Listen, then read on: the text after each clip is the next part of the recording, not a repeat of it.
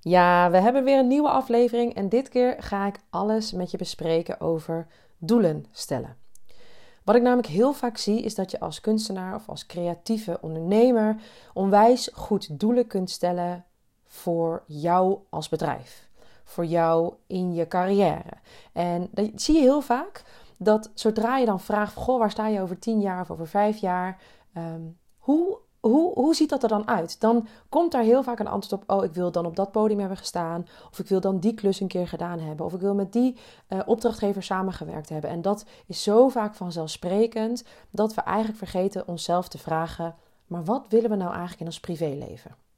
Wat ik dus heel vaak zie, is dat creatievelingen onwijs goed bezig zijn met hun visie in wie zij willen zijn op het gebied van professionaliteit. Maar op het moment dat je ze vraagt: Goh, wat vind je dan fijn om te doen in het dagelijks leven of in privé? Wat wil je dan bereikt hebben over tien jaar? Dan is dat een vraag waar over het algemeen minder makkelijk antwoord op komt dan dat je zou verwachten, um, naar aanleiding van dat werk, die werkvisie die ze hebben. Um, wat ik dus heel vaak zie is dat dat moeizaam is. Maar dat ik eigenlijk dan in het coachingstraject, wat ik dan doe, heel goed weet te spiegelen van oké, maar jij weet heel goed wat je werktechnisch wil doen. Maar als jij balans terug wil in werken en leven en leven en werken en die wisselwerking, dan is het heel belangrijk om ook dingen te doen die je leuk vindt en toe te werken naar privédoelen. Privédoelen kan bijvoorbeeld zijn: ik wil verhuizen en ik heb daarin voor te bereiden voor de verhuizing. Of dat je zegt, ik wil de Kilimanjaro uh, beklimmen. Uh, misschien wil, wil jij wel bungee jumpen of wil jij je vliegbrevet halen of je duikbrevet halen. Nou, al dat soort dingen, die zijn soms best moeilijk om te verzinnen op het moment dat jij voornamelijk de focus hebt gelegd op werk. Wat heel goed is om te doen, is om te beginnen met het einde in gedachten. Begin with the end in mind. Dus stel je dan gewoon voor, over tien jaar hoe jij dan je wil voelen. Hoe jij dan erbij loopt. Wat jij dan doet of wat jij dan niet doet. En aan de hand van wat jij niet doet, kun je dan ook bepalen wat je dan wel wil doen. Want misschien wil jij over tien jaar financieel onafhankelijk zijn, financieel vrij zijn.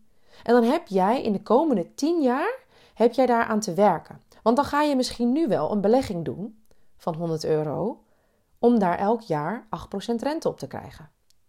8% dividend bedoel ik, sorry. Of in ieder geval te kunnen groeien. ik ben nooit zo super technisch en in beleggen en dergelijke. Ik, ben, ik heb me er heel erg in verdiept. Maar ehm, al die details vind ik soms nog een beetje moeilijk. Maar met andere woorden, ehm, dan kan je toewerken naar waar jij over 10 jaar wilt staan. Maar hetzelfde geldt ook, we leggen ons als creatievelingen zo onwijs veel druk op, want we moeten zoveel in zo'n korte tijd. Maar op het moment dat jij zegt, nou, over tien jaar of over vijf jaar wil ik vier toffe opdrachtgevers hebben gehad, dan voelt die druk al veel minder hoog. Want dat betekent dat je binnen nu en vijf jaar maar vier keer een toffe opdracht hoeft binnen te slepen. Waarvan jij zegt, dat was mijn doel. En je maakt het eigenlijk als het ware door het eerst groter te maken, maak je het langzaam kleiner en kleiner en kleiner. En wat ik dan tijdens de coaching ook doe, is dan maken we een soort tijdlijn. En in die tijdlijn ga je dan op zoek naar, hé, hey, oké, waar wil ik dan staan over tien jaar? En oh, waar wil ik dan staan over vijf jaar? Of over tweeënhalf jaar? En over, over een jaar? En, en waar sta ik nu? En wat heb ik te doen om over tweeënhalf jaar of over een jaar mij uh, op die manier te voelen? Of bijvoorbeeld als goal heb jij gesteld dat jij een expositie wil houden of dat jij bepaalde klanten wil binnenslepen. Uiteindelijk ben jij namelijk jouw jouw um, visitekaartje. Jij, jij bent degene die jouw product of jouw dienst verkoopt en uiteindelijk heb jij dat werk te doen. Of dat nou voor loondienst is of voor ondernemers. Dus op het moment dat jij met het einde jouw doelen voor nu gaat bepalen, zul je ervaren dat het makkelijker is en dat het rustiger aanvoelt op het moment dat je dus grote doelen verspreidt over 10 jaar. Want tijdens de coaching merk je dan ook dat je langzaam kunt denken: hé, hey, oké, het enige wat ik nu te doen heb is overzicht te creëren in hoe ik over een jaar bijvoorbeeld weer opnieuw les kan gaan geven. En die stappen om les te geven, voor binnen nu en een jaar, voelen ineens veel minder groot aan dan dat jij tegen jezelf zegt: Ik wil weer lesgeven en dat wil ik nu. En dat moet ik nu bereiken. Maar dan wil je misschien ook wel een nieuwe opdrachtgever. Of dan wil je ook wel misschien een nieuwe agency. Of dan voel je ook weer heel sterk dat je bij jezelf denkt: ik moet kinderen hebben voor mijn veertigste. Maar het kan zomaar zijn dat als je het opschrijft, dat jij misschien over vijf jaar pas veertig wordt. Of over twee jaar pas veertig wordt. Dat je dan kunt denken: hé, hey, ik heb nog ruimte. Ik heb nog tijd. En waar je als je losse doelen opschrijft, zonder zo'n tijdlijn eigenlijk te maken, dat je dan continu maar door blijft gaan en dat je blijft pushen. En dat je gewoon het gevoel blijft hebben dat je geleefd wordt door al die doelen. En ik ben heel benieuwd of jij nu voor jezelf ook persoonlijke doelen kunt omschrijven. Wat wil jij als jij alles, uh, als alles mogelijk zou zijn, wat zou jij dan willen bereiken? Op privégebied. Misschien is dat wel een liefdevolle relatie. Maar misschien is dat ook wel minimaal één keer per jaar een business retreat of een vakantie helemaal alleen. Of wat ik al zei, een duikbrevet of iets dergelijks behalen is natuurlijk ook een goal waar je dan de tijd voor kunt nemen. Misschien wil jij wel een nieuwe taal leren en zeg jij: over een jaar wil ik een nieuwe taal geleerd hebben. In plaats van dat je zegt, ik wil een nieuwe taal leren. En dat dat dan voor je gevoel nu moet. En dat je het allemaal zo snel mogelijk in moet plannen. Maar als jij zegt, ik heb nu nog 12 maanden de tijd om die taal te leren. Kun je elke week een moment in gaan plannen voor die taal. En dan voelt, dan is die druk ineens veel minder hoog. Dus ga maar eens voor jezelf na. Ik wil bijvoorbeeld een taal leren. Wanneer zou ik dat graag willen? Heb ik bijvoorbeeld een bepaalde uh, rol die ik in het theater wil spelen, waar een bepaalde taal voor nodig is? Of wil ik heel graag werken in het buitenland en dat is dan de taal die je daarvoor moet leren, om eigenlijk je um, makkelijker, um, ik, ik kom even niet op het woord, maar dat je je makkelijker uh, uit kunt drukken. Bijvoorbeeld tijdens dat je een auditie moet doen of iets dergelijks. Of dat je je aanmeldt voor een sollicitatiegesprek bij een nieuwe organisatie.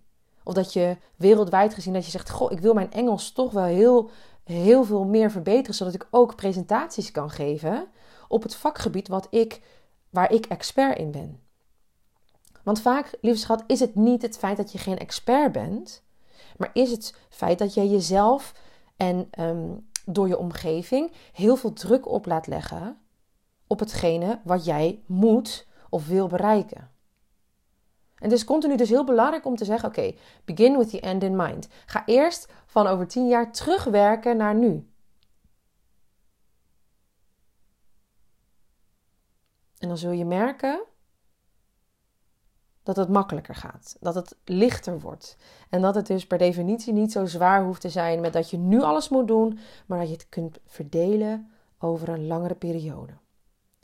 En daarbij zeg ik ook: onthechten vanuit het resultaat, van het resultaat is heel belangrijk. Dus op het moment dat je doelen stelt, ehm, laat ze ook vervolgens weer los. Maar zet intenties. Het is nu een hele mooie dag vandaag dat ik het opneem, 22-2-2022. En zet die intentie dan, zet die intentie om dat te bereiken. En dan ga je over een jaar of over een half jaar eens kijken: hé, waar sta ik nu? Of over twee jaar, dan ga je terugkijken en dan denk je: Goh, dit heb ik allemaal willen doen. En wat heb ik er allemaal van gedaan? Of wat heb je in plaats daarvan gedaan? En probeer daarvan te leren. Want je zult zien, misschien vind je het wel veel belangrijker om veel meer focus te hebben op jouw privédoelen. Want wat ik heb gemerkt is zodra ik met mezelf aan de slag ga en zelfontwikkeling um, teweeg breng bij mezelf, ik mij verrijk met informatie die mij helpen om weer een volgend level eigenlijk in mijn leven te bereiken, dan gaat mijn bedrijf daar eigenlijk meteen achteraan. Ik ben mijn bedrijf, ik ben mijn visitekaartje. Maar ik kan dus ook per definitie, als ik dus zelfontwikkeling doe, dat doortrekken. En dat is energetisch gezien werkt dat gewoon zo dat als je een verandering teweeg brengt of een inzicht krijgt, kun je dat heel vaak ook weer toepassen in je leven en dus ook in je werk. Nou, en mocht je nou dit een moeilijk item vinden, meld je dan aan voor de Solversation. De Solversation krijg je minimaal twee tips waarmee je aan de slag kunt gaan. En waardoor jij kunt denken bij jezelf: hé, hey, ik hoef me niet meer zo opgejaagd te voelen. Of ik voel me empowered door mezelf, door, door doelen helder te krijgen. Maar ook door het gevoel te hebben: hé, hey, ik mag vertrouwen op mezelf. En ik zal je dan in die Solversation vertellen welke twee items waar jij mee aan de slag kunt gaan. En daarbij is het heel belangrijk: you have to do the work. Het enige wat ik kan doen is jou spiegelen en, en, en, en aan jou vertellen wat ik zie. Maar jij hebt dat werk te doen. Dus als jij voelt, zo'n traject is wat voor mij, ik wil aan mezelf werken en ik heb het gevoel dat ik alleen maar vermoeid op de bank zit aan het einde van de avond, dan is dit traject wat voor jou. Want in dit traject, in het één op één traject Ehm, wat ik geef, is het de bedoeling dat jij werk en privé gaat uitbalanceren. En dat je dus eerst bij jezelf gaat uh, afvragen vanuit de Full Potential Formula. Eerst een soort reset. hey, oké, wat doe ik nu? Wat eet ik nu? Hoe, hoe leef ik nu? En wat mag ik loslaten? Om vervolgens vanuit de reset te herconnecten, te reconnecten met hetgeen wat je daadwerkelijk wil. Maar je hebt eerst dingen los te laten. Je hebt eerst dingen te veranderen. Je hebt eerst stappen te zetten voordat je daar komt. En believe me, in je eentje is dat veel moeilijker en gaat dat veel langer duren. En dat is vaak waar we ons, in vergissen. Op professioneel gebied vind je het geen probleem om investeringen te doen. Heb je zanglessen? Volg je nog steeds lessen om um, jouw techniek van je verven of iets dergelijks? Of van whatever it may be. Misschien ben je wel uh, illustrator, geen idee. Hè? Dus um, je blijft continu ontwikkelen. Je koopt nieuwe materialen om, um, om jouw schilderijen bijvoorbeeld nog mooier te maken. Maar dan vergeten we dat eigenlijk de grootste groei zit vaak bij ons. Bij alle patronen die je mag doorbreken. Want misschien vind jij jezelf het wel helemaal niet waard om meer geld te vragen voor jouw diensten. Of om te zeggen tijdens een onderhandeling van jouw nieuwe baan in loondienst. Om te zeggen: Dit is wel het minimum wat ik moet hebben. Of ik wil dit als extra erbij. al is het een OV-chipkaart of iets dergelijks. als dat er niet standaard bij zit, maar dat voor jou dat lichter maakt. Dan mag je nu gaan bepalen wat jouw kaders zijn, wat jouw grenzen zijn. En als je dat niet doet, lieve schat, dan blijf je zwemmen in waar jij nu in zwemt. Dan kun je nooit een nieuw pad aanleggen in jouw brein en nooit een, een, een stap gaan zetten in die groei. En dat is waarom het zo belangrijk is om soms voor jezelf vooruit te kijken en te kijken: hé, hey, waar wil ik naartoe? En als jij wil groeien op persoonlijk gebied, zodat jij sterker kunt gaan staan in je schoenen op het moment dat jij voelt: hé, hey, ik mag mezelf meer, meer gaan ondersteunen en ik wil gehoord worden, dan mag je ook gaan bepalen wie jij bent, wie jij wil zijn en wat daarvoor nodig is om, om daarin te gaan stappen. Een soort nieuwe identiteit. En dat, dat heeft tijd nodig. En dat is waarom het traject ook minimaal drie maanden duurt. En waarom ik zeg: hey, kijk of het wat voor je is. Meld je aan voor de Solversation. Um, ehm, 1 februari, nee, sorry, 1 maart kies ik weer Ehm, twee of drie toppers uit waarvan ik zeg: hey, die kan ik helpen. En dan gaan we kijken, matcht het of matcht het niet. Want als dat niet het geval is, dan zal ik je ook met alle liefde doorverwijzen naar iemand die jou beter kan helpen. Maar bedenk je, vaak kun je niet van tevoren bedenken wat je nou eigenlijk daadwerkelijk nodig hebt. Want jij ziet die blinde vlekken niet. En ik laat mij ook coachen. En dat, is ook, dat heeft ook een reden. Ik zie ook dingen niet bij mezelf, omdat ik ook oogkleppen op heb. Dat zijn nou eenmaal die blinde vlekken. Ik zal in de beschrijving ook voor jou de link vermelden van de Solversation. En dan kan je je aanmelden ervoor. En dan zorg ik dat een van jullie wordt uitgekozen voor de Solversation. Of in ieder geval drie toppers. Maar goed, het geldt natuurlijk voor jou. Jij, jij luistert nu. En wie weet ben jij wel de lucky bastard die van mij gratis coaching krijgt.